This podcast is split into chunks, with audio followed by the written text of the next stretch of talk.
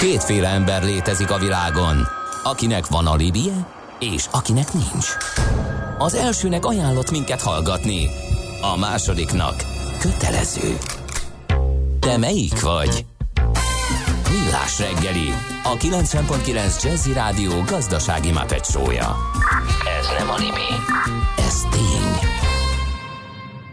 Jó reggelt ismét a hallgatóknak, ez a Millás reggeli továbbra is itt a 90.9 Jazzy Rádion. Augusztus 8-a csütörtök reggel van 8 óra múlt 8 perccel a stúdióban Kántor Endre. És Gede Balázs. És 0630 20 10 909 az SMS, WhatsApp és Viber számunk. Még egy jó bő fél órával ezelőtt írt a szem, szerszámgazda, hogy jó ez a kék nyúl, akkor ment. De miért áll a bajcsi? Erre azóta sem jött megfejtés, nem tudjuk, hogy mi a helyzet a Bajcsi Zsinszki út környékén és a belvárosban. Ha valaki látja, tudja, vagy egyáltalán még fennáll az a helyzet, mert ahogy említettem, ez egy jó fél órával ezelőtti fél nyolcas info, az írja meg nekünk, legyen kedves és azt nézem, hogy kaptunk-e bármi olyan... A Facebookon jöttek jött? megoldások, Na. ugye kiraktam azt a cikket, amiről beszéltünk, hogy kitalálta ki a kartondobozt, ketten is írtak, Schrödinger, illetve hát a tóték, ezek voltak ja. a, a, meg, a megfejtések, mind a kettő nagyon jó. Műszer neked egy fal, a sebesség egy váltó, a garázs egy szentély. Zavar, ha valaki elbetűvel mondja a rükvercet. Mindent akarsz tudni az autóvilágából? Akkor neked való a millás reggeli autós rovata. Futómű. Autóipari hírek, eladások, új modellek, autós élet. Kressz. Nem új téma ez, amiről beszélünk, de annál súlyosabb, úgyhogy Várkonyi Gábor erősítést is hozott magával. Itt van velünk ő is, és itt van velünk Szamosi Viktor is, a Ford Magyarország ügyvezető igazgatója. Jó reggelt az uraknak! Jó reggelt kívánok! Új, jó reggelt. Gábor, hát, meglepetésre nem szóltál bele rögtön a mikrofonba azonnal. Hát ilyet hallom. Már hírek alatt beszokott jönni. Na mindegy. Szóval, hogy új, új korszak indul a, az autógyártásban, és erre érdemes odafigyelni, mert hogy aki a klasszikus négy vagy több hengeres autókat szereti, az biztos, hogy vásárolnia kell, mert hogy az Európai Unió drasztikus környezetvédelmi előírásai miatt az autógyártásban ugye átalakul a kínálat, mondjuk így. Mit, mi történik egész pontosan? Hát 2020. január 1-től lép életbe az Unió összes országában az új szabályozás, aminek a lényege az, hogy, hogy 2020-ban a 2018-as körülbelül 120-130 g per kilométeres emisszióról, a 90, első lépcsőben a 98, majd 2021-től a 95 g per kilométer res emisszióra kell a gyártóknak korlátozni magukat, tehát ez kb. egy 30%-os korlátozás. Na most ezeket a gyártók teljesen más technológiával, teljesen más árszinteken fogják tudni teljesíteni, tehát ahogy fogalmaztam korábban, a klasszikus vásárlók által ismert autóipar vagy autókereskedelem az idén december 31-én véget ér, és valami más fog következni. És mi történik a, a, a, azokkal az autókkal, amik utána jönnek? Vizsgálódik az Európai Unió, és hogyha nem sikerül betartani, akkor bünti van? Hatalmas mértékű büntetés. Hát ugye én a Ford számait tudom mondani, tehát a, a mi körülbelül 1,2-1,3 millió legyártott személyautónk után egy gram tehát európai szinten egy gram eltérés, az kb. 100 millió dolláros büntetést, uh. tehát 100 millió dolláros büntetést vonna maga után. Nyilván nincs olyan opció, hogy bármelyik gyártó ezt megengedhesse magának a jelenlegi iparági marginok mellett. Mi történik Ezért utána? fogjátok kérni tőlem meg, aki bemegy esetleg autót vásárolni, és ez okoz egy drágulást. Ö, a... Hogy nem fogják eladni Aha. A, hát a, a pontos válasz az az, hogy nyilván az autóipar szereplői kénytelenek lesznek egy részét ennek a hatalmas költségnek benyelni, egy másik részét meg kénytelenek lesznek áthárítani a vásárlókra, ezért lesz ez a körülbelül 120-200 ezer forintos át, átlagos drágulás január 1-től az új, új autók esetében. Ez a, érinti egyébként a készleten lévőket? Tehát ez annyira szigorú, hogy ez a, a gyártást az új kibocsátástól követeli meg ezeket az emissziós értékeket, vagy azt mondja, hogy oké, okay, ami a készleten van, az még elmehet, és utána már... Nem, nem, nem ez a helyzet, ezért ugye ez, oh. ez, ez ugye a, a cikknek a, a másik gondolata, hogy a hogy, a, hogy, hogy, hogy ezeket a régi készleteket az év végéig értékesíteni kell, ezért nem csak mi, hanem a, hanem a versenytársaink is gyakorlatilag most óriási készletakciókat futtatnak, hogy januártól ez a, hát hogy mondjam, büntetésmentes új világ köszöntessen be. De itt megyünk tovább, ugye? Tehát nem állunk meg ezzel a, ezzel a csökkentés, kibocsátás csökkentési tervvel, tehát ez, ez, ez csak az első lépés, vagy első fázis. Í- így van, hát olyan fél évvel ezelőtt fogadta el a jó, emlékeim szerint az Európa Parlament azt a 2030-as szabályozást, amely további azt hiszem 35%-os csökkentés, ami hogyha kiszámoljuk, akkor kb. 58 g per kilométer. Tehát ez a jelenlegi, e, ez, egy, ez ugye további problémákat vet fel, mert ez a jelenlegi technológiai szinttel, ez nem teljesíthető. Uh-huh. Tehát azt kell mondanom, mint, mint olyan ember, aki inkább a piacot ismeri, hogy uh, szerintem a vásárlók nincsenek arra a költségszintre, még akár Nyugat-Európában sincsenek az átlagvásárlók felkészülve, uh, hogy olyan autókat vásároljanak, amik 58 g per kilométert uh, uh, tudnak kibocsájtani. Az iparág képes ilyen autókat gyártani, Nyilván eltérő hatótávolsággal, de főleg az, a költségszint az hát teljesen más, mint a mostani autó. Tehát azt kell mondanom, hogy a, a, a törvényalkotók nem feltétlenül a, a, a szakmai oldalt mérlegelték, vagy a piaci oldalt ennek a döntésnek a meghozatalakor. Nyilván van a döntésben egy olyan, hogy gyors innovációra késztessék az autógyártókat, de gondolom ezt a tempót ezt nem fogják bírni ezek szerint. Egyrészt nőttek a flotta fogyasztási kibocsátások a vásárlóknak az igénye miatt. Aha. A vásárló súvot szeretne, a súvnak Igen. nagyobb a kibocsátása.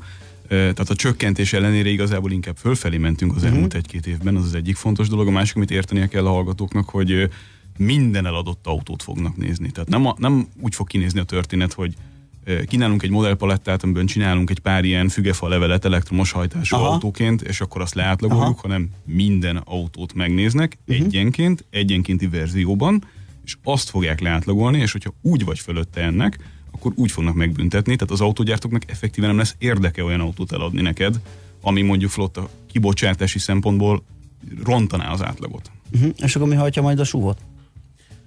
Hát ez egy jó kérdés. Én úgy gondolom, hogy első kanyarban benzines hibridek fogják a súvokat hajtani, de tehát ugye, hogyha visszakanyarodunk a klasszikus kotleri marketing alapelvekre, akkor nagyjából most az iparág az hát fogyasztás vagy igényorientált marketinget folytat, jövőre pedig ez részben meg fog változni, és visszatérünk a tehát a régi 80-as évekre jellemző gyártásorientált marketingre, amikor is a gyártó eldönti, hogy körülbelül mi ez a modellmix, amivel meg tud felelni ennek a, ennek a szabályozásnak, és a vásárló ebből a, tud választani. Uh-huh. Tehát gyakorlatilag marketing szempontból legalábbis egy ideig biztos visszalépés. Egy méretes visszalépés, aha.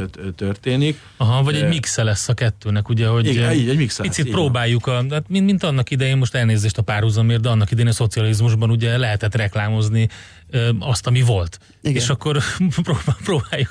De, tehát oké, okay, értem, de nyilván a, a gyártók azért valamilyen szinten meg tudnak felelni az igényeknek. Tehát a palettában, hogy megfeleljenek a szabályozásnak, meg tudnak a vásárlói igényeknek is felelni, nem?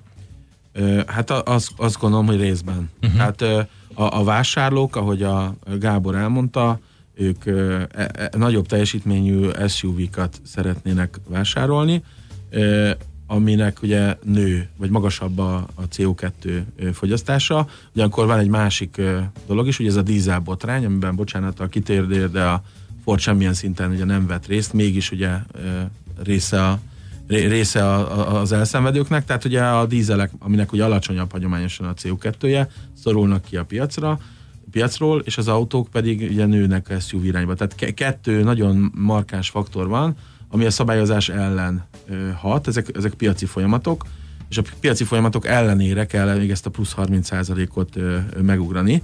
Tehát én úgy gondolom, hogy lesznek konfliktusok az, a, az hogy a, a vásárlóknak a, ez az igénye, ez, ez ugye elhangzott többször, de hogy um, ez melyik vásárlói réteg a, a jelenlegi mérések alapján, vagy mennyire van előre prognosztizálva? Mert azért azt is látjuk, hogy nagyon sokan vannak um, olyanok már, Y generáció, milleniál generáció, akik autó tulajdonlásban sem annyira érdekeltek, de ha igen, akkor sem azt nézik, hogy, hogy ezeket a nagy teljesítményű nagy autókat, hanem inkább városi közlekedésre alkalmas autókat vegyenek.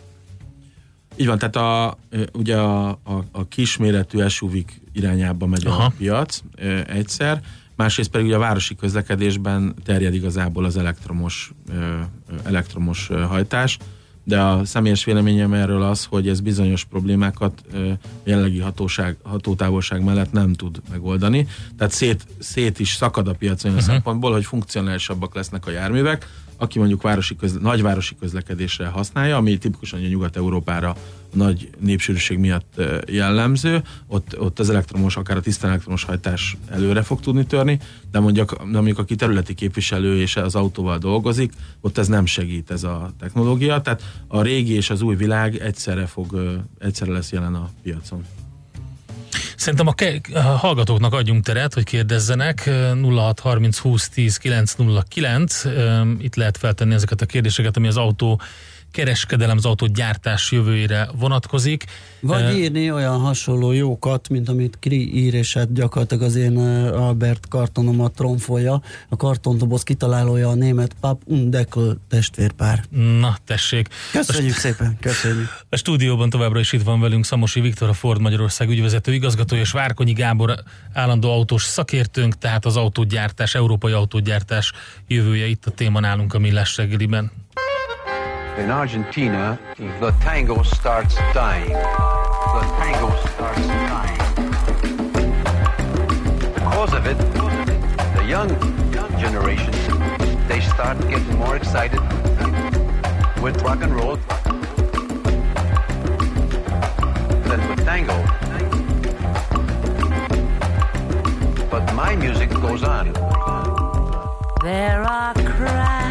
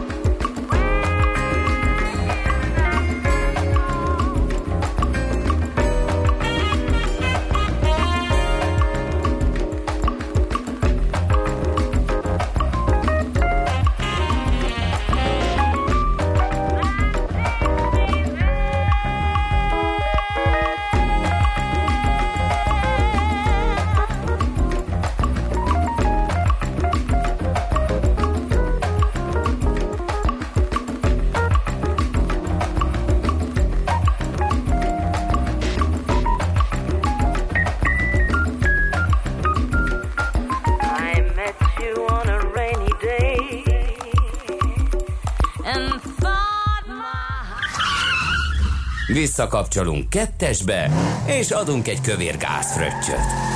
Autóipari hírek, eladások, új modellek, autós élet, kressz, és ne felejts el indexelni.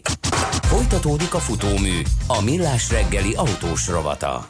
Kaptunk infókat Máknak, külön köszönet a Bajcsi Zsinszki út környékéről írt. A Bajcsi mindkét oldalon szokásos hétköznapi tempóban járható, ha volt is valami már tiszta a terep. Köszi szépen. És akkor jöttek a kérdések az autós témánkhoz is. Az egyik, mi lesz a már forgalomban lévő régi autókkal, hát gondolom ez nem befolyásolja nem, szabályozást. Nem, autók pont ez a jellegi piacnak a lényege, hogy még ez az utolsó szakasz a régi világnak.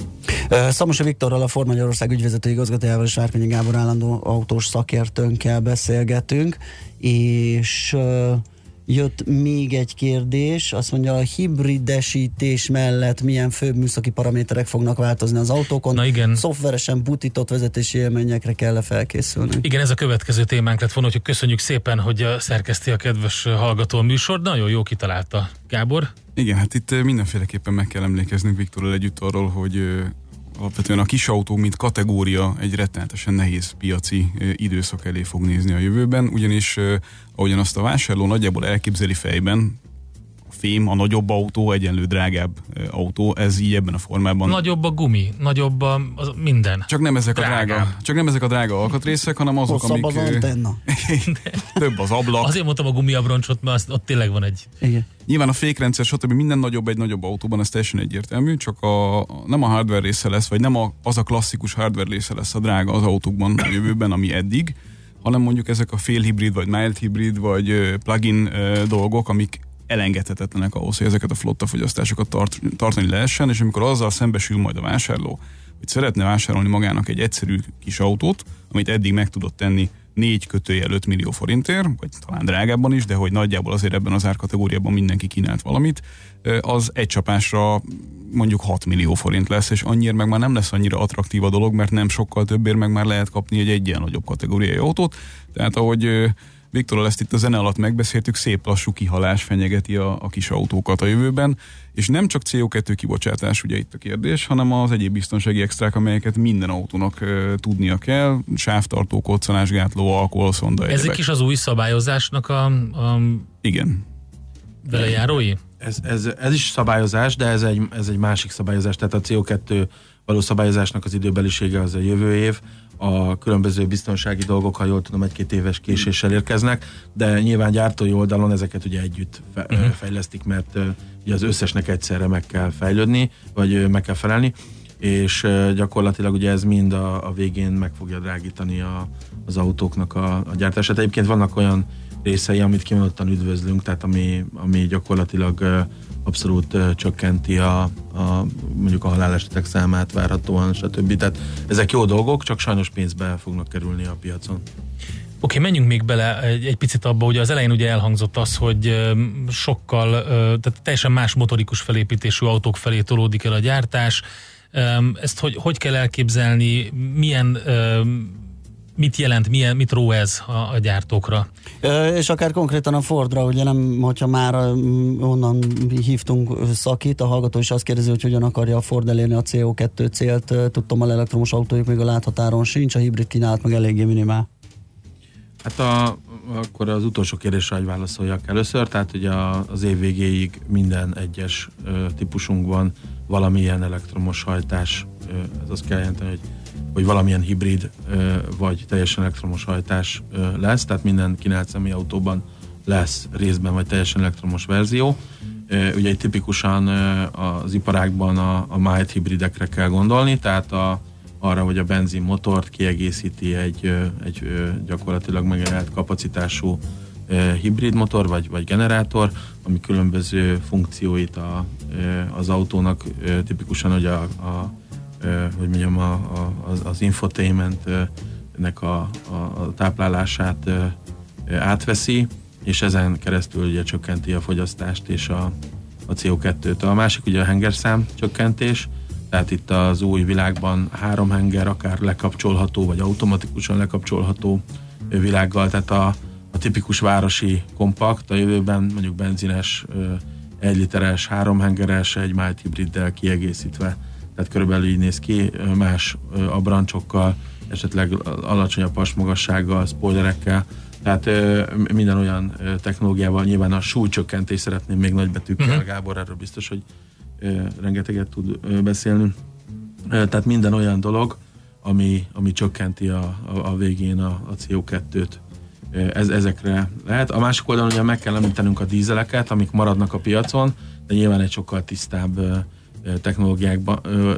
technológiával, mert vannak olyan szegmensek, ahol a dízelek továbbra sem, tehát nincsen igazából kompetitív hajtás a dízelekhez képest.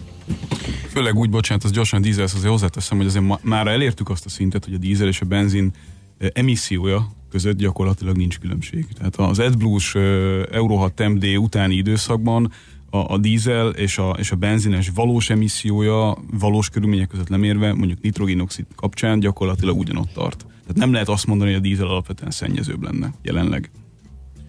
Így van, és alacsonyabb a, alacsonyabb a CO2-je. Tehát nyilván, bár ugye az, a szabályozás szempontjából nem számítanak a haszonjárművek, de kénytelen vagyok megemlíteni, a, hogy ugye a haszonjárműk oldal, oldalán továbbra is ugye a dízelhajtás marad a, az uralkodó, és hát ugye a, a, a, amit ugye a kollega nőm többször a, a, a PR oldalon kihangsúlyozott, hogy a, hogy a pick-upok veszik át gyakorlatilag uh-huh, bizonyos igen. szempontból a személyautóknak a, a, a, a szerepét. Ugye sok mindenkinek az jut eszébe erről, hogy ez az automatikusan lekapcsolódó henger, vagy, vagy három henger, tehát mindenképpen egy ilyen teljesítmény csökkenés van az, amit, amit vizionál ilyenkor az ember. Egy kicsit úgy azt mondanám erre, hogy, hogy már eddig is ugye megjelentek az, a, az olyan ezer köbcentis autók a piacon, például a Focusnak a, a, az ezres verziója, amiből a, akár az SL vagy a, vagy a sportvonal az olyan, hogy én személy szerint volt szerencsém egy ilyet kipróbálni, én nem vettem észre teljesítménycsökkenés benne, sőt, tehát úgy, aki a sportos autózást szereti, az megtalálja a számítását ezután is, tehát úgy ne, kicsit ilyen um, szomorúra sikerült ez a, ez a, ez a beszélgetés eleje, de, de azért ezt, ezt tegyük hozzá, hogy ez a része ez nem veszik el a, teljesítmény, az élmény. A teljesítmény csökkenést szerintem nem lehet eladni a vásárlónak. Tehát, uh-huh. hozzászokott valamihez, akkor, akkor nem fogod tudni drágábban beleültetni valami olyanba, ami alapvetően... Ami nem megy. Ami lemondással jár, igen. De, azért de, az... de úgy tűnik ezekből, tehát ed, amit eddig elmondtunk, itt lemondásról beszélgetünk. Azért a nagy, tehát azért azt egy ezres turbomotor az ma mindenképpen jobb, mint egy 1.6-os benzines volt uh-huh. régen. Ha teljesítmény, Értem. görbét nézünk, nyomatékot, stb. Ez, ez egyértelmű. Tehát itt van egy fejlődés. De ha e fölé akarunk jelentősen menni, akkor az árdrágulás az, az sokkal durvább lesz. Exponenciális. Ami valahol érthető, nem feltétlenül kell mindenkinek 3000-es dízellel közlekednie, ez is oké, okay, de Egyébként a CO2 kapcsán mondjuk a dizájnra is hatással lesz egy csomó ö, szempontból a dolog, tehát ahogy, ahogy ö, mondjuk egy autónak laposabbnak, meg, meg keskenyebbnek kell lennie, ez látszani fog egyébként az autók kivitelében is mindenféle szempontból, meg hát tényleg az, hogy, hogy egy óriási nehézség az autógyártók részéről, hogy minden egyes autót minden egyes verzióban le kell homologizálni. Így van, tehát a, a teljes unió összes autóját ugye regisztrációs szempontból vizsgálja a szabályozó, vagy jól tudom, a magyar okmányirodák vagy kor, kormányablakoknak is riportálnia kell minden egyes forgalomba helyezésnek a, a, a CO, CO2-jét. Tehát ugye itt a, a Fordnak az egyliteres motorja, az, ha jól tudom, 7 vagy 8 éve jelent meg a piacon, talán elsőként ebben a szegmensben, ami azért jó, mert talán a technika már egy kicsit kidolgozottabb, és tehát ismerve ennek a motornak a garanciális mutatószámait, abszolút meg tudom erősíteni az, amit a, a Gábor mondta, tehát nem kell, nem kell már félni ezektől a, uh-huh. ezektől a motoroktól, egy egyhatos szívóval abszolút összehasonlíthatóak a garanciális mutatószámai. E, nem tudom, az élettartam, ahogy áll Andor is azt kérdezi, hogy nem a teljesítmény csökken igazából, hanem az élettartam. Ugye van egy olyan terjedt nézet, hogy ezek egy picit így szétpörögnek az évek alatt, tehát a garanciás időt kibírják, de mondjuk nem tudom, olyan 7-8 év után azért az nem ugyanaz lesz, mint egy 1.6-os szívómotor. Hát a, én ugye az 5 éves garanciát adunk az Aha. autók mellé, 150-200 ezer kilométerrel, ez, ezt az időszakot tudom, mert ezt, uh-huh. ezt, vizsgál, ezt vizsgálom, abszolút összehasonlítható uh-huh. a költségek, tehát nem kellett megijedni. Egy hallgató a Mustangér aggódik. Mi lesz vele januártól? Amerikába. Igen, ott lehet vele a Route 66. Hát, ezt, ezt úgy kell elképzelni, ezt a Mustang dolgot, hogy tehát, hogyha megesszük rendesen az ebédet, akkor, akkor tudunk desszertet fogyasztani tehát körülbelül így, így tudnám leírni. Tehát, a, tehát lesz Mustang, marad az európai kínálatban, de az a, de az a jelenség, hogy korlátlanul vásárlunk Mustangot, ez, ez sajnos nem fér bele a jellegi dologban. Tehát a, a, annak a száma, hogy egy V8, 5-es V8-as autót importálunk Európába, ez egy limitált számú dolog lesz, és ebből fakadóan hát itt is ugye különböző árazási dolgokra kell számítani. A másik az, hogy hosszabb Meg az exkluzivitása. Hát akkor... igen, a kereslet szűkítés mm, az mindig árfelhajtó Hogy hosszabb távon fog... Vagy kínálat szűkítés, bocsánat. Így, így van, hogy hosszabb távon a Mustang is fog hibrid uh-huh. hajtást kapni. Tehát a V8-ra is lehet, hogy szentségtörés, de lesz hibrid. Hát nem szentségtörés, a te felé Nézd, halad, amíg kombi a... nem lesz belőle, addig szerintem elbír sok mindent. Pont erre kérdez a hallgató is, még a Facebook oldalunkon, hogy kérdezni a szakértőket, hogy az autógyártók a diesel plug-in hibrid autókat miért nem preferálják, pedig az ingázók szívesen használnak több funkciós lehetőségeket.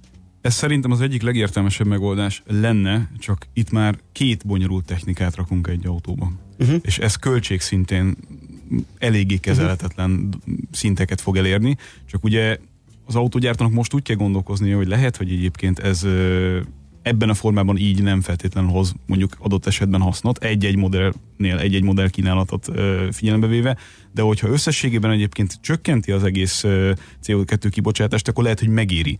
És itt van az a pont, amiről, amire te is félig meddig utaltál, hogy, hogy ez tervgazdaság mhm. lényegében, uh-huh. sajnos. Tehát ezt szerintem ki lehet mondani, akármennyire is szitok szó, tervgazdaság irányába megyünk az európai autópiacon. Van itt egy érdekes ö, lezárás ennek a beszélgetésnek, hogy ö, ugye, ö, és azt beszéltünk erről, hogy kevés gyártó fogja bírni ezt a költségszinten ezt, a, ezt, a, ezt az egészet, ö, és viszonylag komoly koncentráció következik. De ezt a gyártók ugye nem most tudták meg, tehát a Ford sem most tudta meg, tehát nyilván volt valamiféle készülési terv erre az egészre. Tehát hogy, hogy zajlik ez a, a Fordon belül, mi, mi az, amire az elkövetkezendő években, hogy így adjunk a beszélgetés elejének egy ívet, vagy a végének visszatérünk az elejére. Tehát mi, mivel készül a Ford akkor még?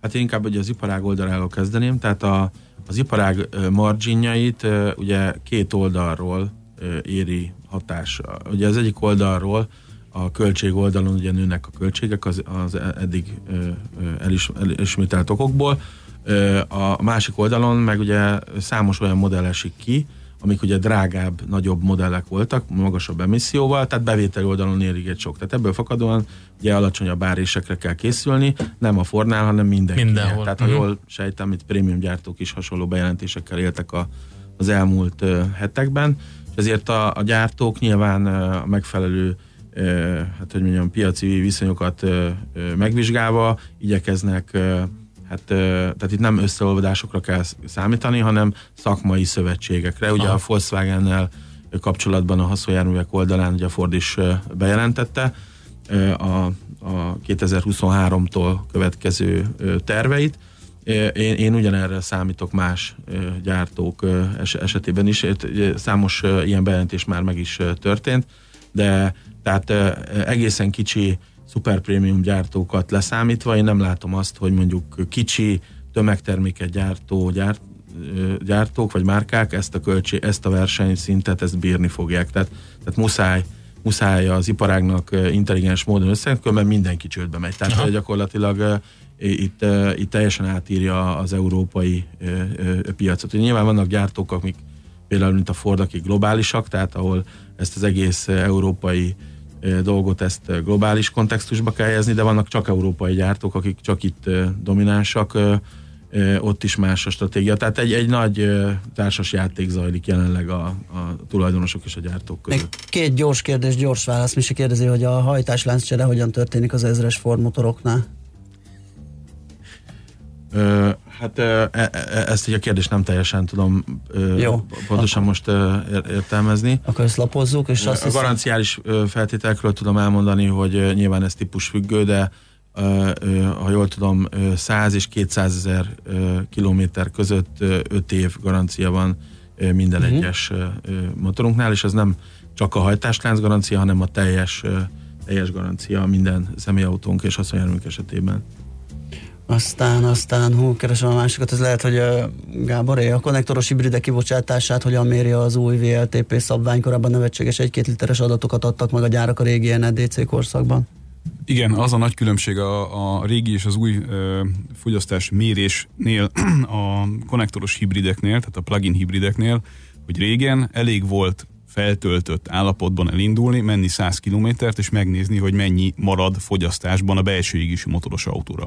Most ezt meg kell ismételni úgy is, hogy teljesen üres az akkumulátor, és a kettőt kell átlagolni. Nem tudom, hogy mennyire érthető. Uh-huh. Tehát, hogy van egy mondjuk egy 50-es hatótávú Aha. plug-in hibrid, elmegy 50 kilométert elektromosan, akkor nem fogyaszt semmit uh-huh. papíron, maradék 50-et megteszi ugye belső égési motorral, tehát fogyaszt egy normális fogyasztáshoz képest felét, uh-huh.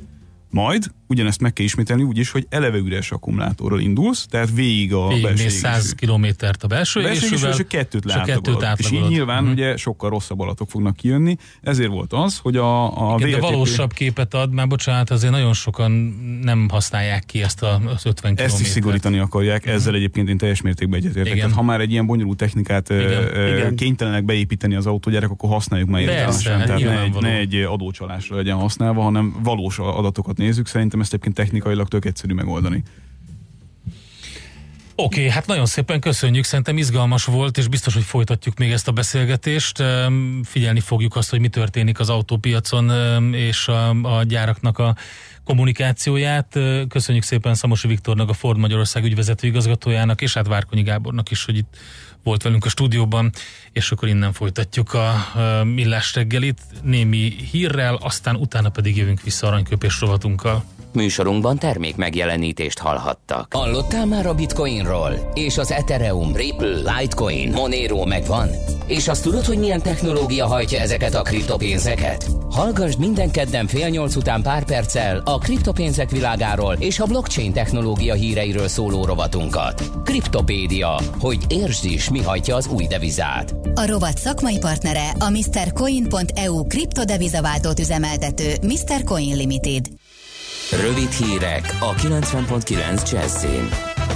Nem kell fizetni a babaváró hitel felfüggesztése idején kezességvállalási díjat. Tájékoztatta a Magyar Nemzetet a pénzintézetek állásfoglalása alapján a Bank 360. Normál törlesztési időszakban a díjat a törlesztő részlettel együtt havonta kell fizetni, de a kamat támogatás időszaka alatt a törlesztő és a díj együttesen nem haladhatja meg a havi 50 ezer forintot. Jó lehet, korábban az Emberi Erőforrások Minisztériuma már leszögezte, hogy a kezességvállalás díja a havi törlesztő részlethez kapcsolódóan fizetendő, azaz szüneteltetés idején ezt sem kell fizetni. Az elmúlt hetekben számos bankfiókban kaptak a hitel iránt érdeklődők ezzel ellentétes tájékoztatást. Idén a második negyedévben 1165 forint volt a fizikai munkát végző szak és betanított munkások átlagos bruttó órabére. Ez több mint 16%-os emelkedés az előző év azonos időszakához képest derül ki egy munkaerő kölcsönzéssel és közvetítéssel foglalkozó társaság elemzéséből. Már az alacsonyabban fizetett betanított munkát végzők körében is csupán a nyugat és dél-dunántúli, valamint az észak-alföldi régiókban fordul elő 1000 forint alatti órabér, a szakmunkások bére a Közép-Dunántúron és Közép-Magyarországon elérheti vagy akár meg is haladhatja az 1300-1400 forintot. Tavaly ilyenkor 4,7%-os bérnövekedés zajlott le ebben a szegmensben, és arra számítanak, hogy ez a gyorsuló tendencia a következő időszakban is folytatódni fog. Több napos sztrájkot jelentett be augusztus végére és szeptember elejére a Ryanair. A szakszervezet által képviselt pilóták 80%-os többséggel döntöttek a sztrájk mellett, miután nem tudták rendezni a nyugdíjakkal és a fizetésekkel kapcsolatos vitás kérdéseket az ír légitársasággal. Az első munkabeszüntetés 48 órás lesz, augusztus 22-23-án, a második már 60 órás, szeptember 2-a és 4-e között. A máltai hatóságok nem engedik meg az Ocean Viking civil mentőhajónak, hogy a Szigetországban töltsön üzemanyagot, Napközben még úgy volt, hogy a hajó egy bizonyos időintervallumban tankolhat, de a hatóságok most már azt sem engedik meg, hogy kikössön. A hajót bérlő egyik segélyszervezet a hét vége óta végzi a menekülők földközi tengeri mentését. A két szervezet 2016-tól kezdődően tavalyig egy másik hajóval végezte a mentést, az Aquarius csak nem 30 ezer embert vett fedélzetére a líbiai partoknál és szállította többségüket Olaszországba, egy kis részüket pedig Máltára. Felhők zavarják ma napsütést, északon és nyugaton egy-egy futó, zápor, esetleg zivatar előfordulhat. A kezdetben élénk szél délutára mérséklődik, 28-34 fok valószínű. A hírszerkesztőt Czoller Andrát hallották, friss hírek pedig legközelebb fél óra múlva. Budapest legfrissebb közlekedési hírei, itt a 90.9 jazz Budapesten tart még a baleseti helyszínen és a Rottenbiller utcában a Baros tér közelében sávlezárásra készüljenek. Erős a forgalom a Váci úton befelé a Megyeri útnál, az Üllői úton az Ecseri útnál, illetve a Könyves Kálmán körúton a Rákóczi híd felé. Telítettek a sávok az M3-as autópálya bevezető szakaszán a Szerencs utca előtt. Torlódásra készüljenek a Budaörsi úton a Nagyszőlős utcától befelé, a 10-es főúton az Ürömi körforgalomnál, a 11-es főúton a Pünköstfürdő utcánál, illetve a Szélkálmán tér és a Clark Ádám tér felé vezető utakon. Szintén lassan lehet haladni a Nagykörúton, az Üllői út közelében mindkét irányból, illetve az Asztória felé vezető utakon. Az Ajtósi Dürer sorban a Stefánia útnál irányonként csak egy sáv járható, a Stefánia úton az Ajtósi Dürer sor előtt pedig lezárták a középső sávot távhővezeték építése miatt. Szombattól a Zsámbéki medence felé közlekedő volánbuszok a Szénatér helyett a Szélkálmán térről indulnak. Siling Zsolt, BKK Info.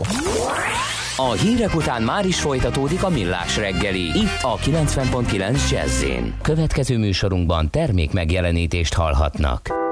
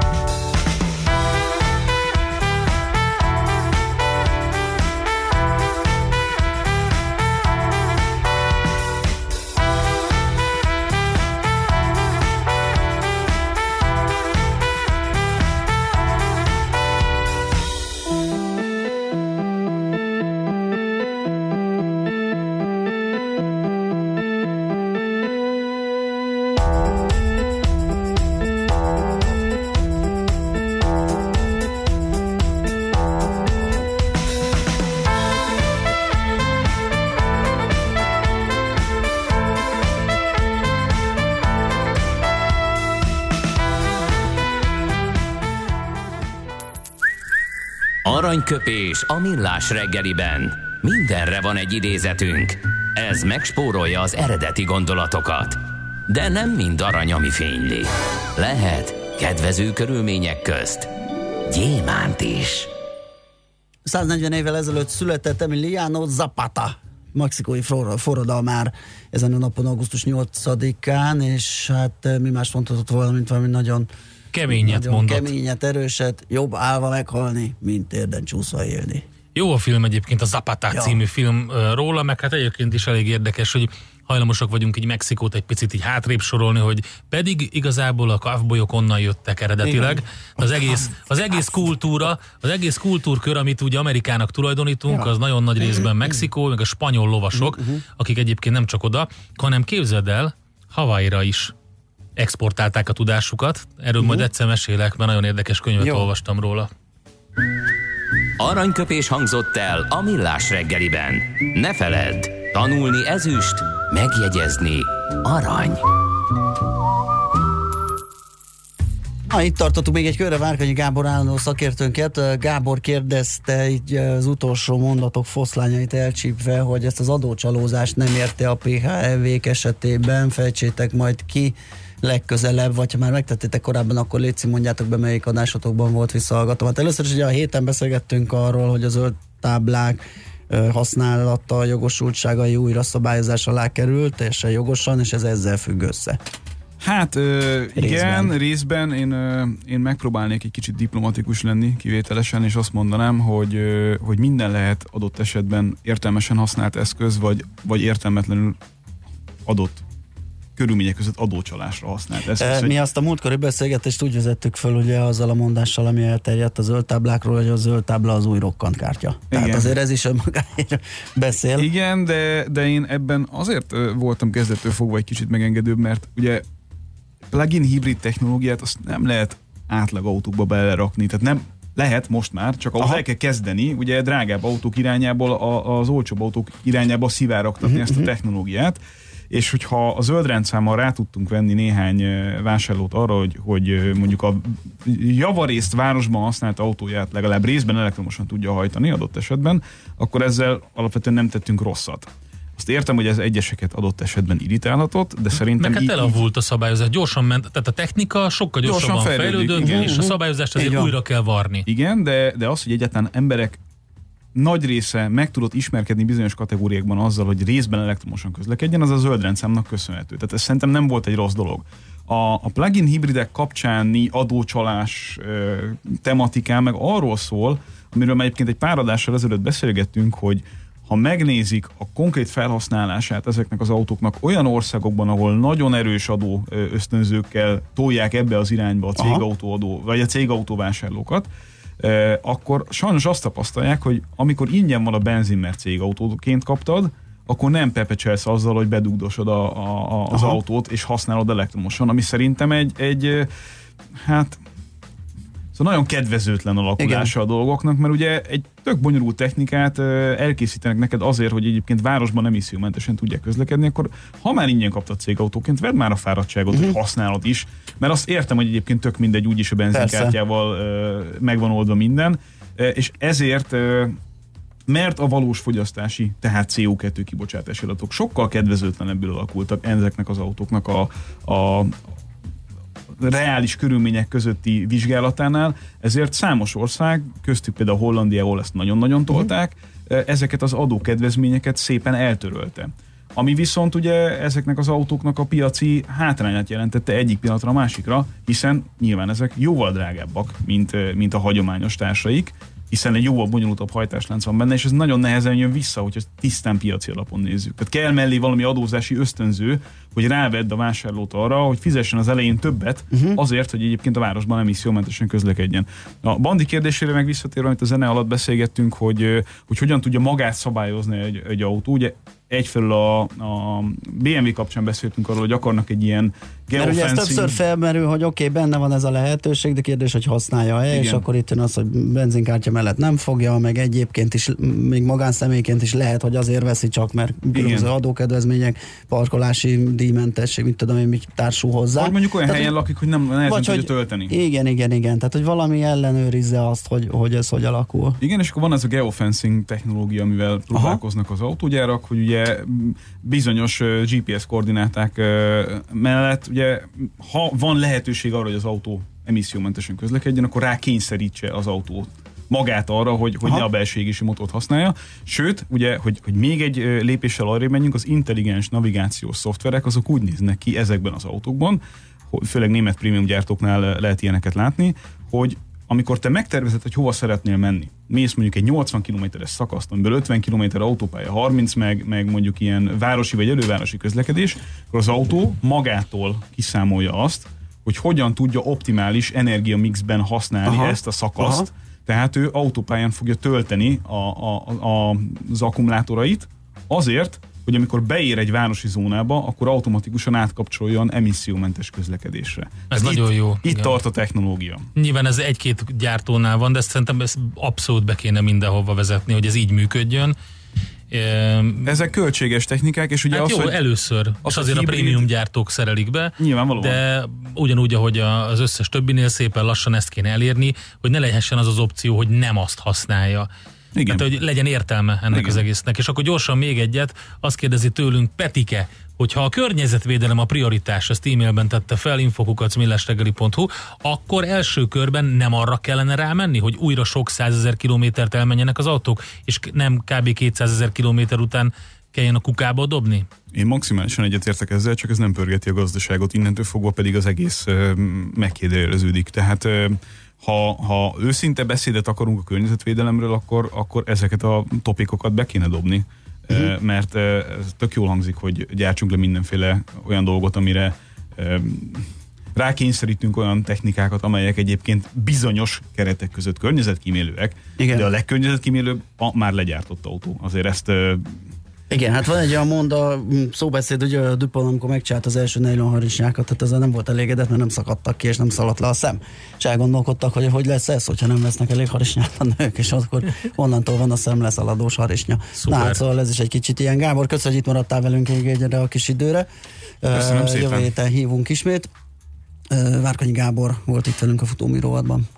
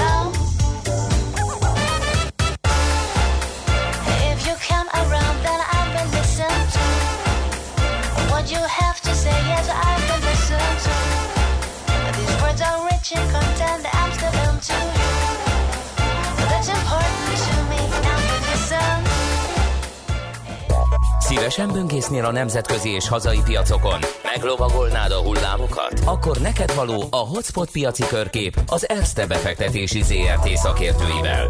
Gyors jelentések, gazdasági mutatók, események. Nálunk mindent megtalálsz szakértőink tolmácsolásában. Ha azonnali és releváns információra van szükséged, csatlakozz piaci hotspotunkhoz. Jelszó Profit nagy P-vel. Barát Tibor.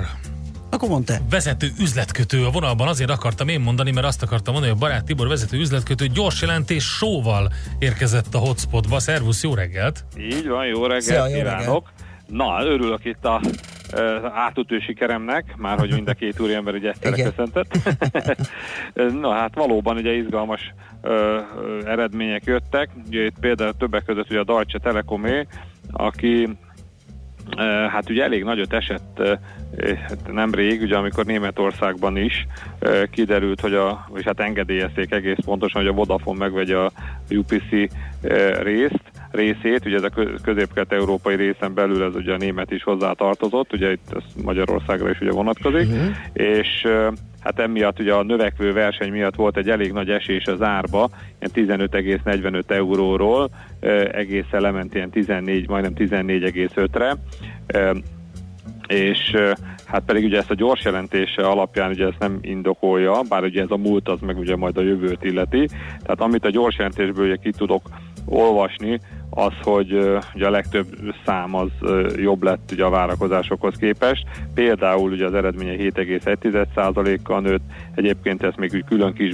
bontják, hogy organikusan 3,2-vel, míg az előző fél évben, negyed évben ez 3,5 volt. A, a maradék az két tételből tevődött össze, egyszer, hogy veszegettek azért ilyen osztrák és holland cégeket, illetőleg hát a, a a deviza árfolyam változás, ugye hát a, a T-mobilusa ö, ö, többet hozott a konyhára euróba, mert ugye a dollár erős volt az euróval szemben.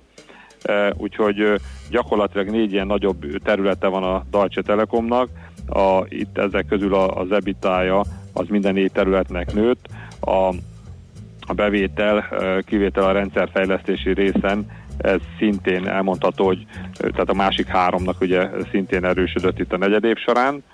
és hát ugye ami talán ugye még a legfontosabb, hogy az idei évre az eredmény előrejelzéseiket azt megerősítették, azaz, mondjuk csak egy-két számot is azért mondjak, 23,9 milliárd lesz a, a, az ebitájuk, ez tavaly 23 volt, illetve a, a, a, a telekom cégeknél ezt a szabad cash flow-t ezt szokták ugye komolyabban nézegetni, ez 6,7 milliárdra várják a tavalyi 6 milliárd után, úgyhogy úgy tűnik, hogy a cég tartani tudja ezt a növekedési ütemét, tehát ezt az organikus növekedési ütemét, tehát ezek után, vagy ezekkel szemben, hogy azt gondolom, hogy 14,7-es árszintnél ez egész jó beszálló lehet, ez most tehát úgy akár rendszerűen is, főleg az egyre alacsonyabb európai, meg hát főleg német bund, tehát kötvényhozamok közepette, tehát azért ez egy olyan 4%-os osztalékfizető papír egyébként. Uh-huh. Tehát ebben szerintem ugye abszolút ugye szabad gondolkodni, mint, mint ö, közép-hosszabb távú befektetésnek, és akkor hát a, a rövidebb távú befektetésre ö, rátérve ugye fölhúzta az Adidas is a nyúlcipőt, ö, tehát szintén kihozta a gyors jelentését, és hát itt a második negyed évben a, ami miatt javult a cég, ezek a a marsinok javulása, illetve az er-, erős ázsiai, ezen belül kínai keresletnek köszönhetően, valamint, hogy a, az online üzletág is hatására is a, a nyeresége még nagyobb mértékben nőtt, mint a, az árbevétele. E, e, igaz, hogy a, a, a, ezek a korábbi várakozásokhoz képest a várakozás aj, tehát ezzel együtt is a korábbi várakozásoknak az alját ért el a világ második legnagyobb sportszergyártója, ugye a Nike mögött. Csak hogy azért egy-két ilyen impozáns számot azért mégis mondjak. Ugye a, az adó utáni eredménye 10%-kal emelkedett, e, e, igaz, hogy 462 millió euróra, igaz, hogy 469-et vártak az elemzők, az árbevétel ötegi, az árbevétele 4%-kal nőtt, devizatisztítottan, egy nominálisan 4,7%-kal. Hát itt is ugye 5,51 milliárd lett, 5,53-at vártak az elemzők, viszont ugye a cég CEO-ja Kasper Rotzret azt mondta, hogy teljesen bizonyos benne, úgy, ahogy eddig ez most is, hogy az év második felében még gyorsulni tud a, az eredmény és a, a nyer, az árbevétel és a nyereségtermelő képessége a cégnek, úgyhogy a 2019-es eredményeket megerősítette, ott, ahol egyébként ugye az a, tehát a, a növekedés várakozása az eredményben 5 és 8 százalék közötti, ugye most láttuk, hogy ugye 5 százalék volt a, a, a második negyedévben, míg a, a profitnál, tehát az adó utáni profitnál pedig 10 és 14 százalék közöttire teszi, ugye az éves növekedés, tehát ugye itt 10% volt, tehát valóban akkor ugye gyorsulni kell, hogy a, a, a, a sávon belül maradjon, vagy a sávnak ne pont az alján legyen, és akkor hát egy sok cég számára azt gondolom egy ilyen irigylésre méltó számot azért hadd mondjak még itt a végére, mint ennek a papírnak a végére, hogy a bruttó mars az Adidasnál az 52 ra javult, míg az EBITDA marzs is 11,3 százalék a cégnél, hát azt gondolom, hogy ez Komolyan hangzik. ez azért sok cégnél komoly, Igen. komoly, komoly örömre adna okot. És akkor hát még egy ilyen látszólag ugye egy, egy gyengébb láncszemete, hadd említsek, ez viszont azért érdekes, mert nagyon-nagyon-nagyon szét van verve a papír árfolyama, hát ez a ThyssenKrupp, uh-huh. amivel hát azért azt gondolom, hogy manapság mindenki találkozik, ha, ha nem is mondjuk a tenger alatt járó üzletág termékei miatt, de a liftek miatt biztos.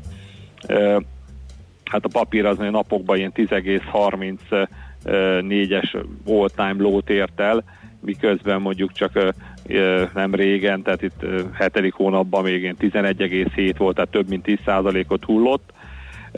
Aztán szerintem ez a gyors jelentés, egy-két számot mondok, aztán utána majd gyorsan ugye értékelném. Tehát nyilván, hogy egy összességében gyenge volt, ami elsősorban a, az autót iránti keresletcsökkenéssel, a, azt mondja, hogy a, a versenynek a növekedésével a, a fémiparban, vagy az acéliparban, és a, hát a, a, nem utolsó sorban a magasabb vasércáraknak köszönhetően, ugye a, egy évvel ezelőtthez képest lényegesen gyengébb lett, hát mondjuk az operatív eredmény az egy harmadával csökkent, ugye 3, 226 millió euró lett mondjuk ugye 100 millióval kevesebb, mint egy évvel ezelőtt, Hát tulajdonképpen érdekes a cég, mert hogyha nem lenne a, a, a, a felvonó üzletág, anélkül tulajdonképpen még tisztított EBITDA szinten is veszteséges lenne a cég. Tehát a, annak ellenére, hogy azért a, az autókomponens gyártó része, illetve az anyagkereskedési része az nyereséges, a többi viszont annyit elvisz, ugye itt a, a, a, a, az, a, az acélipart, illetőleg ezt a tenger alatt járó ö, ö, gyártó részt ugye sorolnám föl, hogy, hogy hát ennél ugye veszteséges lenne a cég.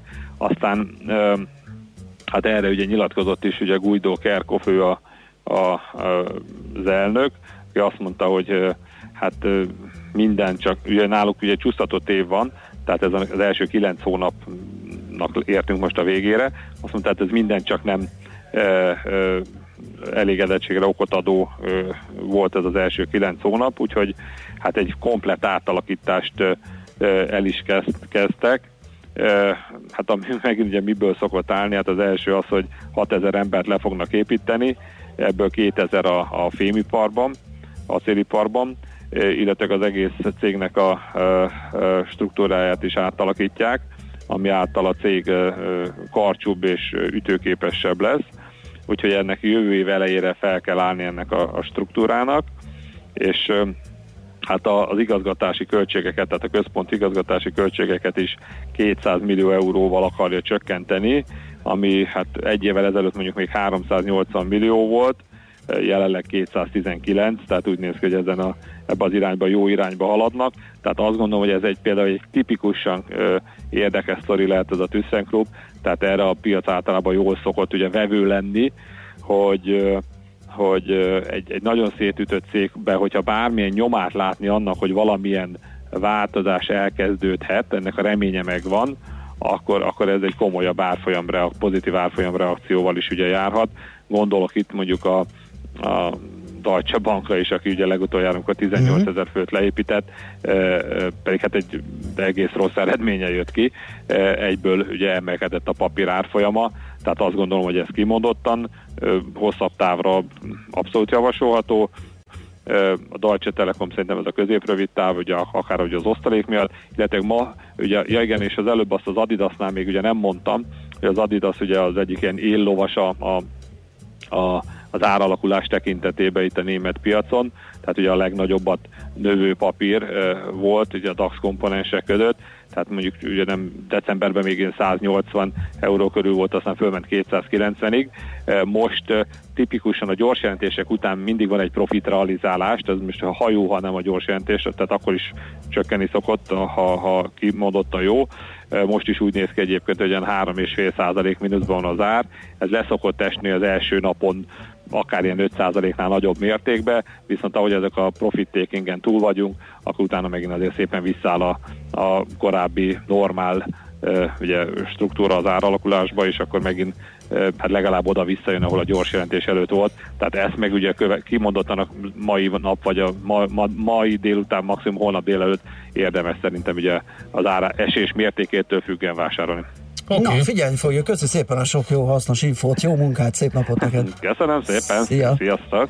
Barát Tiborral, az Erste befektetési ZRT vezető üzletkötőjével beszélgettünk.